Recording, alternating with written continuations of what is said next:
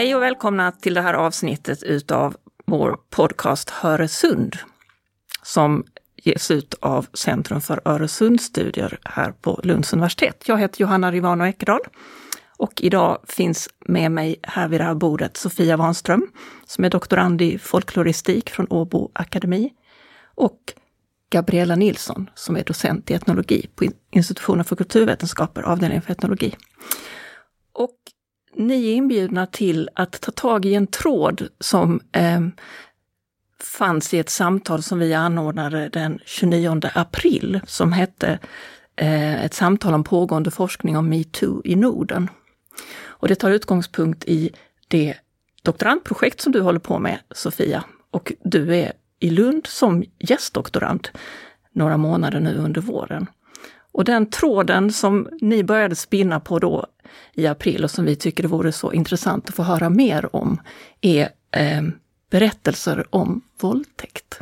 Så jag lämnar ordet till er. Varsågod och spinn vidare på den här tråden.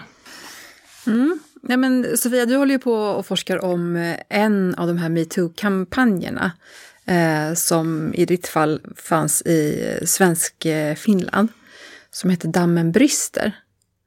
Jag tänkte vi kanske kunde börja säga någonting allmänt om metoo, vad var det för någonting? De flesta kanske kommer ihåg det, men vissa kanske inte gör det. Ja, så hösten 2017 så, så hände vad som ofta hänvisas till som metoo movement nu som tog eh, uh, hände lite, lite över hela världen efter att, att uh, Harvey Weinstein blev anklagad för våldtäkt av Alice Milano. Och hon tweetade då ut att om du har blivit uh, utsatt för sexuella trakasserier eller övergrepp, svara metoo på det här tweetet så att, så att folk skulle förstå uh, hur stort problem som det här är. Och det här tog då fart ganska ordentligt och uh, folk svarade på det här. Uh, antingen då med att bara skriva metoo, men de började också vittna en massa berättelser som, som sen började samla, samlas in inom olika kampanjer. Här i Sverige så ordnades det en massa olika kampanjer som, som var det här specifika till olika branscher eller yrkesgrupper, såsom skådespelare och jurister och så vidare. Och också i, i Finland så fanns det en massa olika insamlingar. Men det här, den som jag studerade, Dammen med brister, så var så här allmän för, för finlandssvenska uh, kvinnor och andra icke-män. Det är spännande här, för att när, när uh, först när metoo startade så var det bara liksom att man skulle bekräfta metoo. Jag har också varit med om det här. Men sen så blev det ändå så att det blev mer och mer berättelser. Att kvinnor som har varit utsatta, huvudsakligen kvinnor var det ju, eh, började dela med sig av sina egna erfarenheter och upplevelser. Det tycker jag är väldigt spännande. Det är väldigt spännande. Och det är nog en av eller så här grundfrågorna som många andra forskare också funderar hela tiden. Att varför börjar man egentligen berätta? Mm. Um, eftersom no, det var enkelt att ta del bara genom att, mm, bara genom att säga metoo. Men att det fanns, ja, mm, vad, vad är då orsaken? Fanns det en, ett behov att berätta de här sakerna? Eller ville man annars bara uh, berättelser inom feminism har använts väldigt mycket uh, personliga erfarenhetsberättelser just för att ändra på förståelsen av, av våldtäkt och trakasserier. Till exempel um, att kanske folk bara så, såg liksom vikten i det här berättandet och att de därför ville börja så det, det är liksom del i en lång tradition egentligen inom feminismen att man har velat använda sig av berättelser som en, ja. som en medvetandehöjande eh, aktivitet så att säga. Men det som är spännande också tycker jag det är ju att att eh, metoo fick så, så, tog sig så olika former i olika länder och inte minst i nordiska länder. Där Sverige ju, tänker jag mig i alla fall, är det land där olika yrkesgrupper fick störst genomslag. Alla de här, det var ju en lång, lång, lång rad, precis som du sa, en lång, lång rad upp, eh, upprop som, som olika yrkesgrupper eh, gjorde. Och att det kommer hamna väldigt, handla väldigt mycket om trakasserier, sexuella trakasserier på arbetsplatser i Sverige. Medan ju om man ska jämföra med Danmark så var det ju, där var det ju stort motstånd mot metoo. Och det här som du fokuserar på i, i, din kampanj så var det ju just privatpersoners upplevelser av ofta liksom grova våldtäkter och, och så. Ja. Undrar vad det beror på? Det, det är en bra fråga, men överhuvudtaget inom, eller metoo, så handlar det mycket om trakasserier just på arbetsplatsen eftersom det börjar från den här Hollywood. Mm. Uh, så det var ju, det var ju mycket en, en grundantagande. Och sen så tror jag att det också var den här tanken om, om småkulturer och kulturer att det är svårare att diskutera inom dem för svensk Finland är också, fast det var allmänt för svensk Finland, så just det här med dammen brister, det hänvisar till att vi uppfattar oss som ankdammen, att det är en liten, liten kultur. Och att då blir det svårare att prata för att det kommer liksom de här repressalier om du berättar. Och nu är det ju lite samma inom på arbetsplatser och inom små just uh, men arbetsgemenskaper så kan det ha ganska stor inverkan på din framtid om du berättar om de här sakerna. Mm. Så kanske det har någonting mm.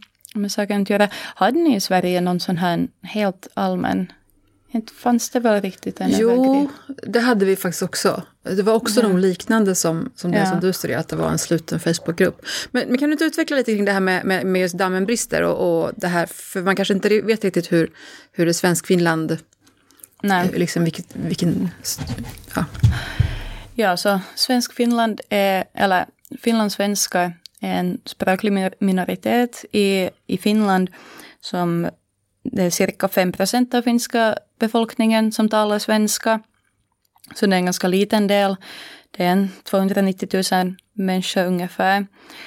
Eh, och det är också geografiskt på ganska begränsade områden. Det är på kusten, eh, främst kring Åbo, Helsingfors och sen Österbotten. Så det är en ganska liten, en liten minoritet. Och det finns den här uppfattningen om att alla känner alla att om du börjar prata med en ny person som du aldrig har träffat, så om du talar tillräckligt länge så kommer ni märka att ni har mm, mm gemensamma bekanta, sägs det. Det är ju inte riktigt sant, men eh, uh, Svensk-Finland ser sig ofta som en säker plats i kontrast till det finska Finland.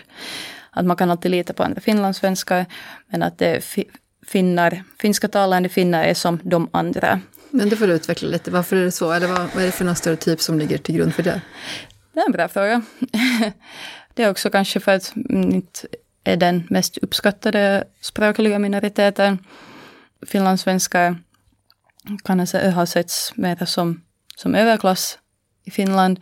Så det är inte riktigt det där samma som, som vissa utländska minoriteter kanske har. Det har funnits ända sedan 1800-talet så här stridigheter mellan svennomaner och finnomaner.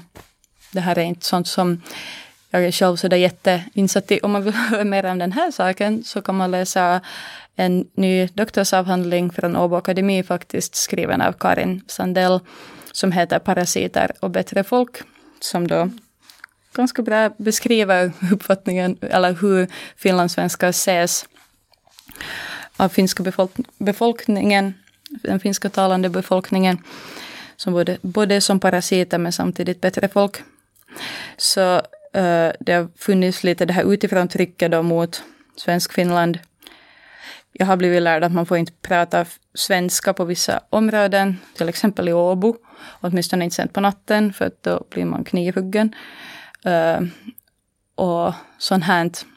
Men sen är det nog också en föreställning att vi har om finska Finland också att, men, att de är mer farliga. Jag vet inte riktigt. Men det är ju jättespännande för då får det här liksom konsekvenser för den här kampanjen där man brister. Både att, man, att det finns en föreställning kanske om att i svenska Finland där förekommer inte mm. så mycket övergrepp för där är det liksom där bättre tryggt. på något sätt, tryggt och så vidare. Men också det här som du säger att det är en liten, liten grupp. Mm. Eh, och hur påverkar det då vad man vågar berätta och sådär? Kan du säga någonting om det? Är det någonting som du har liksom Ja, det är något sånt som jag funderar på, på mycket. För det här, alltså mm, själva poängen med, med kampanjen när de först började samla in så var för att visa då att vi ser det här som ett tryggt rum, men saker händer här också. Så det var en av motiveringarna. Men just där när man, folk berättar uh, så var det ju en, det var en sluten Facebookgrupp, men den hade ändå 20 000 personer i sig. Och man fick berätta anonymt. Eller man kunde vittna anonymt, men uh, man kunde också berätta öppet. Och då berättar man ju till en publik människor som uh, vissa kanske kände. Uh, um, så det var åt släktingar och vänner och sånt som, som kanske aldrig har hört de här berättelserna tidigare. Just det, så det var, det var en sluten Facebookgrupp. Man var tvungen att gå med eller bli, bli liksom ja. Insläppt så att säga av en moderator för att vara med i gruppen. Men när man väl var inne i gruppen, då var man inte anonym, utan då var man... Nej, Nej. inte om du skrev under, under eget namn. Mm. Men som sagt, man kunde skicka mail för att få det med. Men också som vissa vittnen poängterar att fast man skriver, skriver anonymt så är det små kretsar. Så det kan bra vara att folk blir igenkända oavsett. Åtminstone om de har mm, väldigt speciella, unika berättelser så kan det, är det inte alltid så svårt att räkna ut vem det var. Det var därför som att försöka hålla gruppen anonym så var väldigt viktigt för, för de här, eh, de som organiserar. Just för att det kunde vara väldigt enkelt att räkna ut vem det var frågan om som, som förövare, även om man var anonym. För jag tänker att du sa att det var 20 000 som var med i gruppen mm. av då 290 000. Ja. Det är en ganska så stor procent. Det är en ganska stor procent. Så, ja. Ja. Om man tänker att den 290, det var ju, mm, så är ju ungefär hälften av de 290 så tänker man ju till män också. Så det Just var en det. väldigt stor. En väldigt stor procent. Ja. Har du någon känsla av, eller det kanske du inte kan veta någonting om, hur många som skrev och hur många som bara var med i gruppen för att ta del av hela den här rörelsen? Om 950 berättelser samlades in mm. och det var ju alla då som, som publicerades där så samlades ju in. Så, uh, så det blir ju på det sättet en mindre del. Mm. Så det var ganska många med som inte delade en berättelse men de kanske de kan ju ha haft diskussioner i kommentarerna och sånt. Mm. Eller bara skrivit metoo. Ja. Det. Fast det tror jag inte att man gjorde så mycket i, i gruppen, att man var inte med där. Det var mera sånt som folk skrev på sina egna mm. sidor. Den här Dammen brister började samlades, samlas in vad var det, 22 november 2017. Och då började ju metoo 17 oktober. Så det hade ju hållit på ändå i nästan två månader.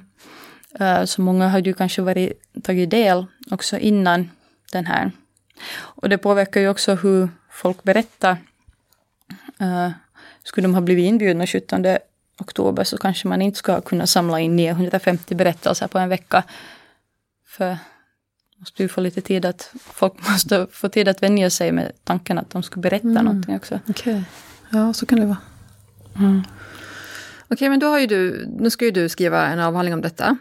Eh, och då är ju du eh, folklorist. Och det kanske man också behöver säga någonting om. Vad är en folklorist och vad, vad, vad kan du göra med de här berättelserna? Och vad, vad är du extra bra på att göra? Mm. Folkloristik så brukar man säga, det handlar om artistisk kommunikation i små grupper. Artistisk så är kanske inte en viss typ av kommunikation i små grupper. Men handlar folkloristik, det handlar inte det i stort sett om berättelser? Om att försöka förstå vad berättelser ja. betyder för människor eller berättade möten eller delade berättelser. Ja. Det är min det... bild av folklustik. Ja, det är liksom den verbala sidan av, av kultur i princip. Hur, hur man skapar gemenskaper och, och ritualer och kulturella uttryck som, som framförallt handlar om verbal kommunikation, verbal okay. kultur. Mm. Ungefär. Och, men okej, okay, så då, hur, hur har du gått tillväga då när du har, liksom rent metodologiskt, när du har, du har samlat, de har fått de här berättelserna till dig då, de har samlats in och sen så började du titta på dem. Hur, hur liksom, eh, hur gick du tillväga för att börja komma nära de här berättelserna? Hur kändes det? Ja, det var ganska svårt. Uh, eftersom först när jag började läsa dem, uh, gå igenom dem, så märkte jag hur väldigt olika de alla berättelser var. Både till struktur och till längd. Eh, jag bestämmer ganska tidigt, eftersom det var 950 berättelser totalt, som är väldigt mycket för den typ av, av kvalitativ forskning som vi gör på folkloristiken. Så jag började med att göra en avgränsning till att fokusera på de som hade sexuella övergrepp. Som sen lite omformulerades till, till våldtäkt. Så inte så, de här trakasserier, sexuella trakasserier på arbetsplatserna utan? Utan de som, som hade att göra med våldtäkt. Uh, eftersom jag tyckte att de här berättelserna glömdes bort ganska mycket. Mm. Eller som den här stora allmänna diskussionen var främst fokuserad på trakasserier, tyckte jag. Och antagligen att göra med att eftersom det handlar mycket om, om på arbetsplatser och sånt här som man nu tänker att kanske inte har lika mycket våldtäkter. Och jag tyckte att i diskussionen om metoo så blev det, kunde det här användas som orsak till att nedvärdera själva kampanjen. Ja, du menar att, att de som var kritiska tänkte så här att ja, det handlar bara om så här milda ja. liksom, små saker på arbetsplatsen. Medan du ville visa då att nej, det är faktiskt också liksom, det, ja. våldtäkter. Uh, inte för att jag tycker att de här berättelserna är viktiga eller är mera förtjänar mera uppmärksamhet på det sättet. Men bara visa att det inte, det handlar inte bara om, om verbala trakasserier som det ofta framställdes som, utan folk vittnar också om, mm. om våldtäkt och så. Och jag tyckte att uh, själva berättelserna också försvann i och med det här. Att fokuset blev inte så mycket om de här vittnesmålen och vad som sades i dem, utan det var mer en abstrakt diskussion om trakasserier rent allmänt. Eh, och som folklorist så tyckte jag att det här materialet var väldigt viktigt eftersom det kunde lära oss faktiskt någonting, inte bara att det här är problem, utan lära oss om problemet. Att man skulle få ny kunskap om, om trakasserier och våldtäkt. Så därför ville jag studera de här berättelserna i sig. Och det här min fokus på, på våldtäkt var då mera som en, en avgränsning Uh, eftersom det var ett så, så stort material och det skulle ha varit ganska oöverskådligt att, att använda allt. Jag förstår att du, att du var tvungen att göra en avgränsning. Annars, men annars, bortsett från det, så tänker jag så här att det har ju varit det var ganska så viktigt från ett feministiskt perspektiv att, att se alla former av sexuella övergrepp som sammanhängande. Det här kontinuumbegreppet som vi brukar använda.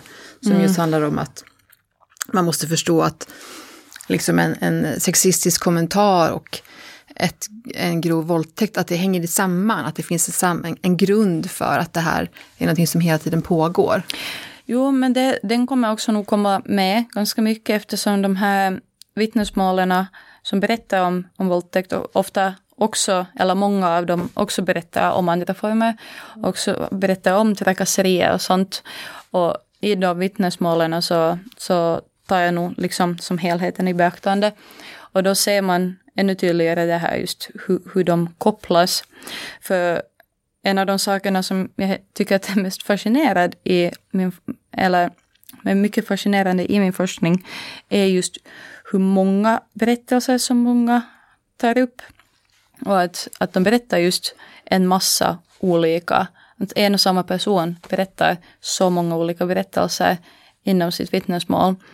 Och det tycker jag att, ja, det är en bra grund för att diskutera just det här continuum, continuumet. Att man har upp, många har upplevt många olika ja. händelser, incidenter.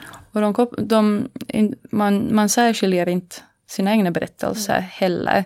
Och det är lite svårt därför att börja, när man ska vittna om någonting som trakasserier eller övergrepp så kan det vara lite svårt att veta vad som man egentligen ska berätta om.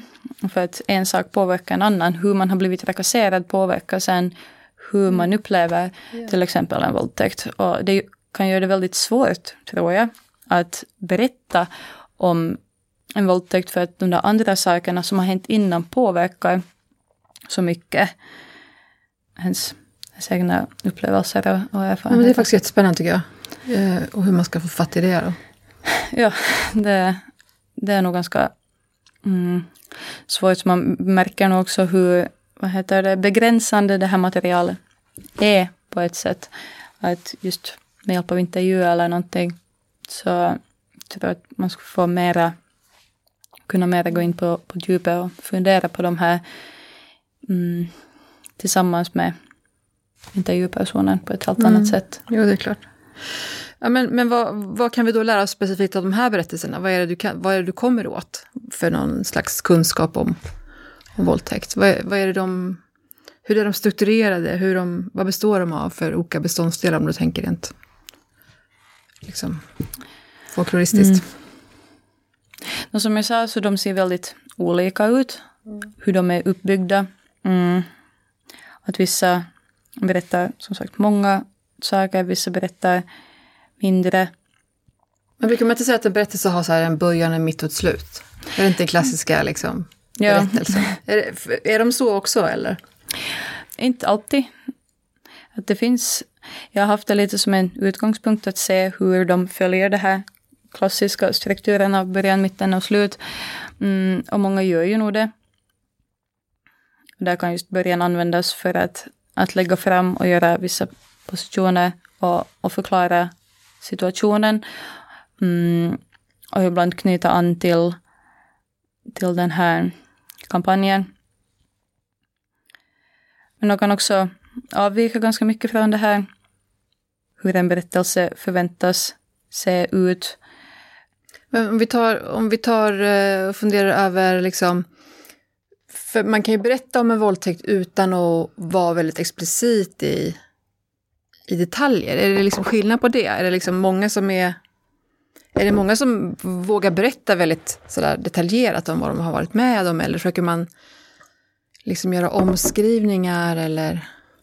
Alltså en av de sakerna jag noterade ganska tidigt när jag började gå igenom mitt material så var just det där att hur uh, vissa berättar så som man tänker sig en vanlig berättelse.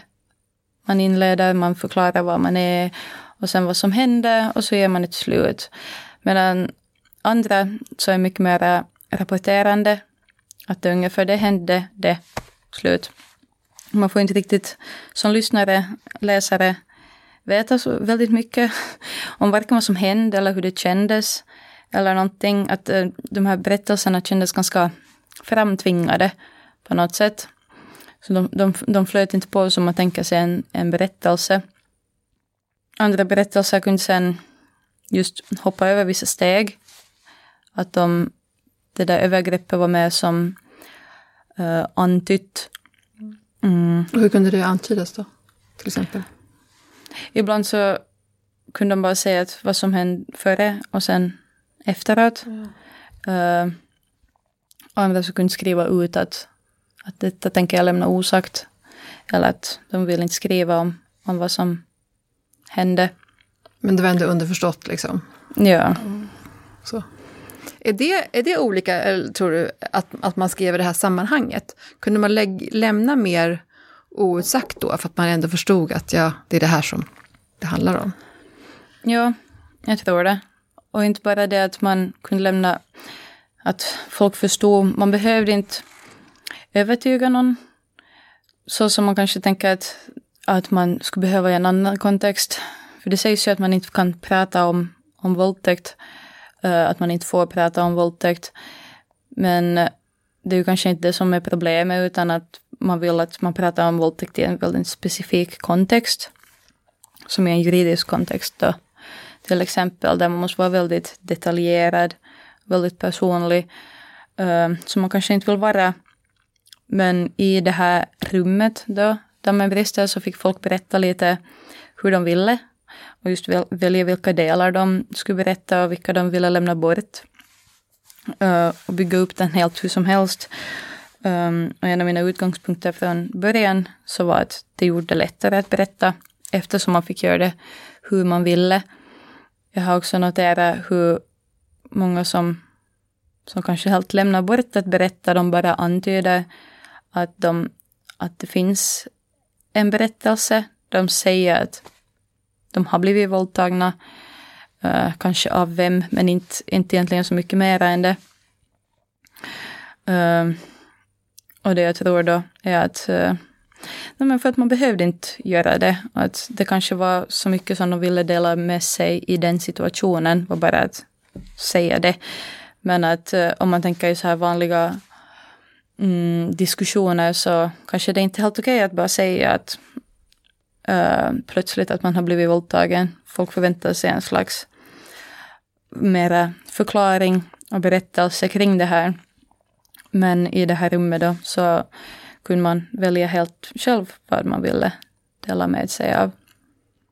En sak som jag är lite nyfiken på det är ju, för att vanligtvis när kvinnor ska berätta om våldtäkt för polisen eller anmäla eller för någon närstående så, så är liksom det största problemet är att man ska, vill bli trodd.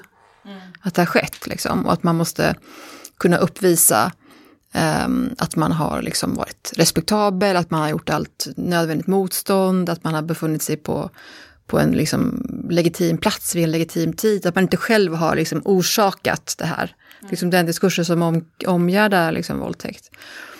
Uh, men här, då kan man ju tänka sig att den, det, det behovet inte fanns här, därför här var man per definition där för att man liksom hade blivit utsatt.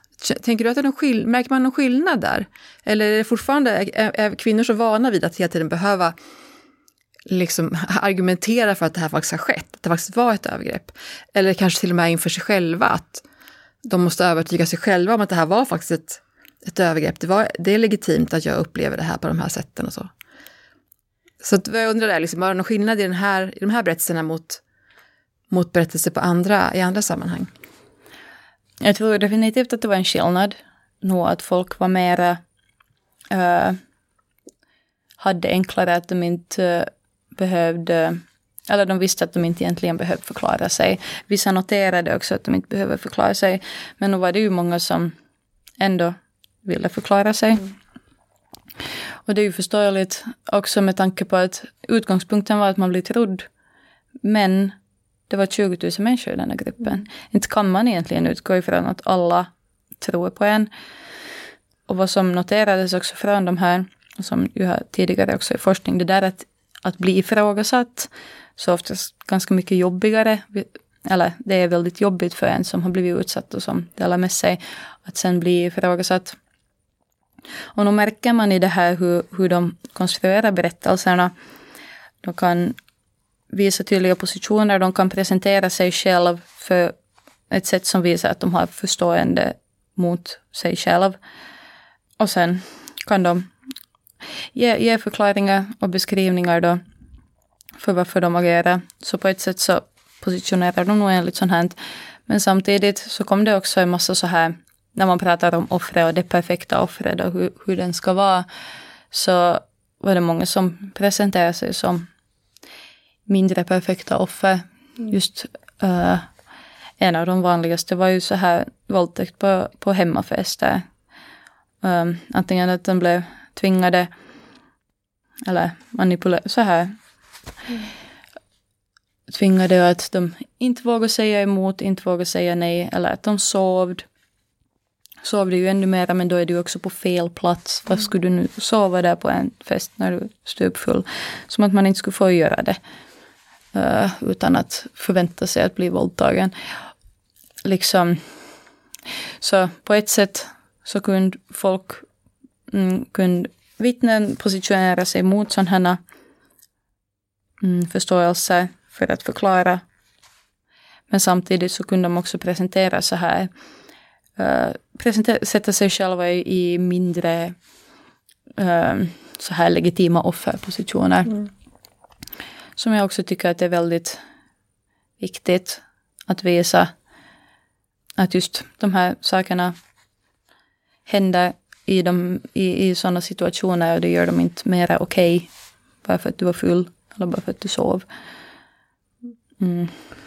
Får, man någon, får man någon bild av de här personerna som har utsatt, utsatt alltså förövarna, så att säga? För ofta när man berättar så, så, så handlar det mycket om den egna upplevelsen och, och, känslorna och vad man själv har gjort eller borde ha gjort eller inte gjort. Medan förövaren liksom försvinner ut i... Jag vet inte hur det var i de här berättelserna. Han är ganska eh, försvunnen nog. Att uh, de som presenterar sina, när det har varit ex-pojkvänner eller vänner, så presenteras de ju till en del och ibland i så här fysiska attribut, men ganska så generella drag egentligen nog. Nu tycker jag att det är sägande när man när det talas om, uh, om metoo överhuvudtaget, om man pratar om en häxjakt och att hur det fungerar att hata på män eller någonting, men det handlar inte, handlar väldigt lite om, mm, om män. Att förstås skulle någon ifrågasätta så här att de förstår inte att hur, varför han kände sig berättigad till det här. Mm. Eller sen att han tyckte att det var mer synd om, om honom i de här situationerna. Mm. Men det mesta fokuserar nog på, på dem själva och deras känslor och erfarenheter. Det kan man ju prata hur länge som helst om. Varför blev det så att, att väldigt mycket av debatten kom att handla om att, att alla män blev uthängda när det var väldigt få som var, blev uthängda? Och att de flesta som berättar har inget varken behov eller vilja eller någon anledning att hänga ut eller namnge överhuvudtaget, för det är inte det det handlar om. Det handlar om att man själv ska få berätta. Jag tycker det är, en, det är väldigt det är det återkommande, att vi alltid hamnar där. Att det ändå är liksom det här hotfulla, det har man ju sett i, i många, många hundra, tusentals år egentligen, det här att det är liksom hotfullt när kvinnor anmäler eller berättar om, om att de utsatts för sexuellt våld. Det finns en föreställning om att det är liksom grundläggande kvinnligt att, att falskeligen anmäla och sådär. Att det, är, att, att det är ett maktmedel som kvinnor har. Så det är spännande hur det återkommer och vilken tid eller vilken plats man befinner sig på så är det liksom det här som är det som vi fokuserar på. Ja, allting så här när det handlar om feminism överhuvudtaget. Det handlar om kvinnor men på något sätt så ses det som ett hot åt män. Mm. Så att fast det inte nödvändigtvis handlar överhuvudtaget om män. Så är på något sätt de tror sig ändå vara fokusen av det hela. Fast det inte, uh, inte handlar om det. Det finns ju hon filosofen Kate Manne som pratar om det här att för att det utmanar vem som, vem som hör hemma i, i, i liksom moral spotlight mm. överhuvudtaget. Att på något sätt genom att kvinnor tar fokus åt sig själva så ses det som fel eftersom det tar fokuset bort från män. Då borde det kanske handlat mer om männen då? Det skulle jag kanske kunna göra det. Mm. Att jag tycker folk hyllar den här kampanjen väldigt mycket i, i de här introduktionen och avslutningen och i princip fick man ju berätta vad som helst. Att jag tycker att det, det är lite konstigt att det inte finns flera som, som på något sätt uttrycker ett missnöje mot uh, för det finns, finns vissa vittnesmål som de säger att de är, att de är arga, att de hatar män eller någonting sånt. Men det är ett par ungefär. Att uh, det är nästan, nästan konstigt att det inte, inte fanns mera ilska. Det var mera, folk var ledsna eller så fanns det en slags så här kämpaglädje att nu ska vi ändra på det här. Det är otroligt starkt det här föreställningen om, eller idén om att kvinnor aldrig får hata män. Att det, liksom, mm. det, det, det, hjälper inte om man har blivit, blivit misshandlad i 25 år av en man, man får inte hata män ändå. Nej. Eh, det är liksom väldigt illegitimt att, att vara manshatare. Ja, samtidigt så är det tydligen legitimt att vara kvinnohatare för att man inte får sex. Om man tänker på hela incel movement. Precis. Det. Så det är lite ojämlikt här. Men vi kanske borde ha en kampanj som heter YouTube då? Men har det inte funnits?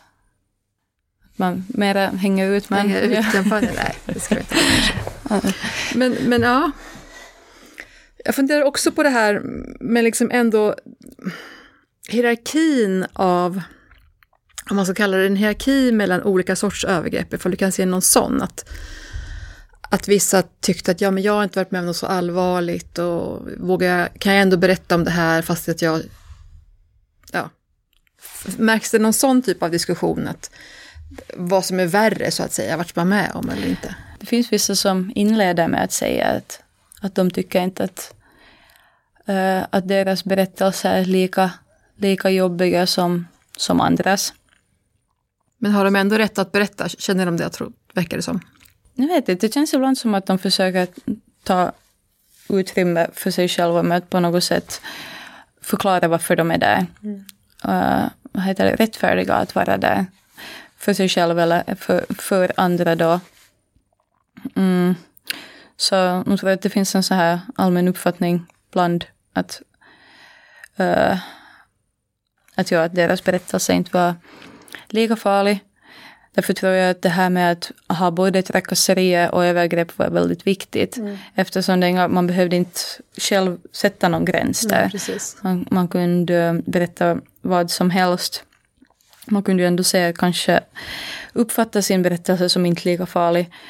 Uh, men uh, eftersom, eftersom det var både trakasserier och övergrepp mm. så kunde man ändå berätta. Men, det tror jag också var jätteviktigt. Och också just det här att många kanske inte vill sätta, sätta liksom beteckningen våldtäkt på det man har varit med om. Det, det finns ju ett, ett motstånd mot det som har att göra med att man inte vill vara liksom det här offret. Så här, man, det finns mycket stigma kring det ju. Men de kunde också berätta. De kunde också bara berätta. för att allt var liksom... Ja, jag tror att det är tror jag, en viktig slutsats som jag kommer att dra fram i forskning också. Att det är inte så... Um, för jag tycker inte att det egentligen har så stor betydelse för berättelsen eller för förståelsen för så här förmedlad känsla om folk benämner det som våldtäkt eller om de inte gör det. Mm, om ofta här kommer jag gå lite emot feministiska diskussioner, för ofta så framhävs det som väldigt viktigt att benämna, att säga vad det är, mm, name the crime, men man kan lite ifrågasätta att vem är det här benämnande viktigt för? Eh, ska det vara viktigt för offren eller är det viktigt för någon slags statistiken? Eh, och att är det faktiskt en börda man borde lägga på, på folk som har blivit utsatta, att de måste säga att det eh, våldtäkt för statistikens skull. Eh, eller polisanmäla för statistikens skull, som ju kan vara en väldigt jobbig process och så här. Mm, och jag tror att det kan vara väldigt bra för folk att få, få tala om sina erfarenheter i ett space som bara säger att det här är fel. Det behöver inte nödvändigtvis kategoriseras som våldtäkt, men uh, och det var ju också så jag tänker att det här rummet gjorde väldigt bra. Att man kunde skriva dit utan att behöva egentligen säga alls vad det är. Men att man, att man tyckte inte att det var en trevlig upplevelse. Uh, man, man eh, uppfattade det som kränkande men kanske inte behövde desto mera gå in och definiera vad egentligen man tycker att det ska kategoriseras som. Det finns en, en forskare som jag använder mig mycket av, uh, Linda Alkoff, men filosof. Så hon pratar mycket i sin bok om det här att just hur språket kring våldtäkt så är inte egentligen så väldigt passande för folk som har varit med om eh, eller blivit utsatt för sexuellt våld eftersom de, det öppnar inte så lätt för sådana här olika, för komplexa erfarenheter. Och det kan göra att det är svårt att prata om det. Och just sådana här kategoriseringar av erfarenheter uh, till att vara antingen sex eller våldtäkt till exempel, så gör det just mycket mer komplicerat att tala om det. Jo men så är det ju såklart att det, det är ju en pågående diskussion som är jätteviktig naturligtvis. Men bakgrunden till att feminismen har velat ha ett sammanhängande våldtäktsbegrepp handlar ju om att det är ett försvar mot samhällets eller rättssamhällets vilja att avgränsa våldtäkt till något litet, litet fenomen som är ovanligt, som är extremt våldsamt och som inte alls kanske ligger i linje med de flesta kvinnornas upplevelser. Så det är ju ett sätt att ta makten över den här erfarenheten och faktiskt visa på att det här är ett vanligt problem. Ja. Så det är liksom den avvägningen där Eh, som man måste tänka på. Men det är ju det som är bakgrunden till att feminismen så starkt framhärdar i att liksom, det här ska liksom, det är samma sak. Ja, och det, det är bra när det här används, eller det är det som just personliga erfarenheter användes till först, att just bredda det här och introducera, introducera nya begrepp. Mm. Fast nu har vi ju fått en samtyckslagstiftning i Sverige till exempel. Har ni det också i Finland eller? Uh, det är väl på kommande. Mm. För den öppnar ju upp lite mer för, då har man ju liksom lite vänt på steken och, och öppnar upp för den här komplexiteten lite mer i alla fall. Ja, det, och det är bra för det. Teorin i alla fall. Vi pratar mycket om att det är viktigt att prata om våldtäkt. Man måste prata om det, du måste prata om dina erfarenheter och så vidare. Men uh, det hjälper ju inte någonting om det inte händer någonting med de här erfarenheterna. Därför är det ju bra med samtyckeslagstiftning och sånt här. För att det ska inte ligga på, på offer eller överlevares det ska inte ligga på deras samvete att, att ändra de här strukturerna. Det inte, man kan inte förvänta sig hela tiden att folk ska dela med sig av sina mest traumatiserade erfarenheter och, och handla korrekt enligt hur man borde hantera problemet. Som att polisanmäla och berätta. Utan det måste ju göras någonting med de här. Det är det som jag vill att min forskning blir del av till exempel. Mm. Och sen får man hoppas att så här lagstiftning och sånt här följer. Mm. För att som det har poängterats ut också i kombination med metoo och sånt här. Det sägs att vi har brutit tystnaden men den här tystnaden har brutits hur många gånger som helst. Ja, att förstås, vi måste fortsätta utveckla vår förståelse för för våldtäkt. Men att eh, ansvaret för det ska inte, inte läggas på, på enskilda individer nödvändigtvis.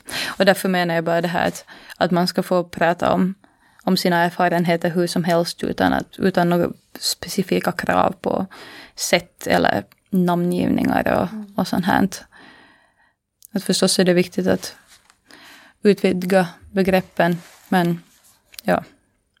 Men om vi ska mm, avsluta lite här då kanske och fundera över, du sa innan att du hoppas att din analys av de här berättelserna eh, ska kunna hjälpa oss att förstå erfarenheter av våldtäkt bättre och att vi har alla berättelser, nu är det bara upp till forskare kanske till exempel och, och liksom utvinna kunskap ur dem då. Vad är det, vad är det om du ska föregripa ditt, din slutsats i avhandlingen, vad är det? Mm, Ja, för först poängtera att det är nog inte bara de här berättelserna som behövs. Det finns en massa andra som också skulle behöva uh, analyseras av, av forskare av olika, på olika, inom olika discipliner. Men mm, det som mm, jag hoppas visa på med min forskning är kanske både det här att uh, att hur folk har utrymme att berätta, prata om sina erfarenheter och låta folk prata så som, uh, så som det passar dem bäst. Mm, men också just den här svårigheten att berätta om våldtäkt eftersom de här olika erfarenheterna så är inte nödvändigtvis uppfattas inte nödvändigtvis som, som åtskilda i, i en persons så här levda erfarenhet. Att det är väldigt svårt för en person, tror jag, att, att plocka ut en, en erfarenhet och på något sätt presentera det um, på ett sätt som, som reflekterar deras erfarenhet rätt. Eller som gör, gör den förståelig, hur den har påverkat den här personen och så. Så jag, med, om man tänker med att öka förståelsen för våldtäkt, så just hur det här hur det inte bara är en del av en det är inte bara en erfarenhet som påverkas av sexuella övergrepp av, och trakasserier av olika slag, utan uh, det kan påverka en persons hela liksom, bild av sig själv, uppfattning av sig själv, uppfattning av den erfarenheten och tidigare och senare. Mm. Ja men precis, det tänker jag också. Och det är väl jätteviktig kunskap för till exempel då rättsväsendet att ha. Att kunna förstå den här svårigheten i att, att avgränsa den här specifika händelsen, eh, att liksom vara, att nästan förhålla sig objektivt till den här händelsen som, som den som har anmält till exempel. Eh, när det hela tiden, jag tycker det är jättespännande här som du säger att, att eh, och som ju såklart är självklart, att, att tidigare erfarenheter påverkar hur vi kommer uppleva någonting i en viss situation. Och, och, och, och, den händelsen får ytterligare liksom konsekvenser. Att det, är, att det är en hel livssituation ju. Där alla de här olika Och det är därför det är, som det är extra viktigt det här, det här breda perspektivet på, på övergrepp. Liksom, där alla de här små sakerna som har hänt, alla namn man blivit kallade, alla övergrepp, alla liksom situationer av eh, påverkar hur vi liksom förhåller oss till specifika händelser. Det är jätte, jättespännande tycker jag. Det har ju diskuterats också inom, när, man, när det kommer till uh, missför, misshandelsförhållanden, mm. att de är svåra att berätta just eftersom det är lite knepigt att förklara varför att den, den sa någonting till mig i en viss ton. Mm. Men att för det förstås inom en slags kontext av, av hela det där förhållandet. Uh, Ja, men i, I svensk lagstiftning har vi ju kvinnofridsbegreppet för att liksom försöka fånga hela den här livssituationen. Och det hade varit spännande om man hade kunnat fundera lite på, på något liknande eh, i relation till sexuella övergrepp bara specifikt. Just det här att ha en förståelse för, för livssituation och, eh, och tidigare erfarenheter. Kanske inte att man ska ha en egen brottskategori naturligtvis, men, men att man har den förstå samma typ av förståelse. Ska vi sätta en liten punkt där? Tack så mycket Sofia och Gabriella och eh, lycka till Sofia med slutfasen på ditt avhandlingsarbete. Tackar. Mm, tack så mycket.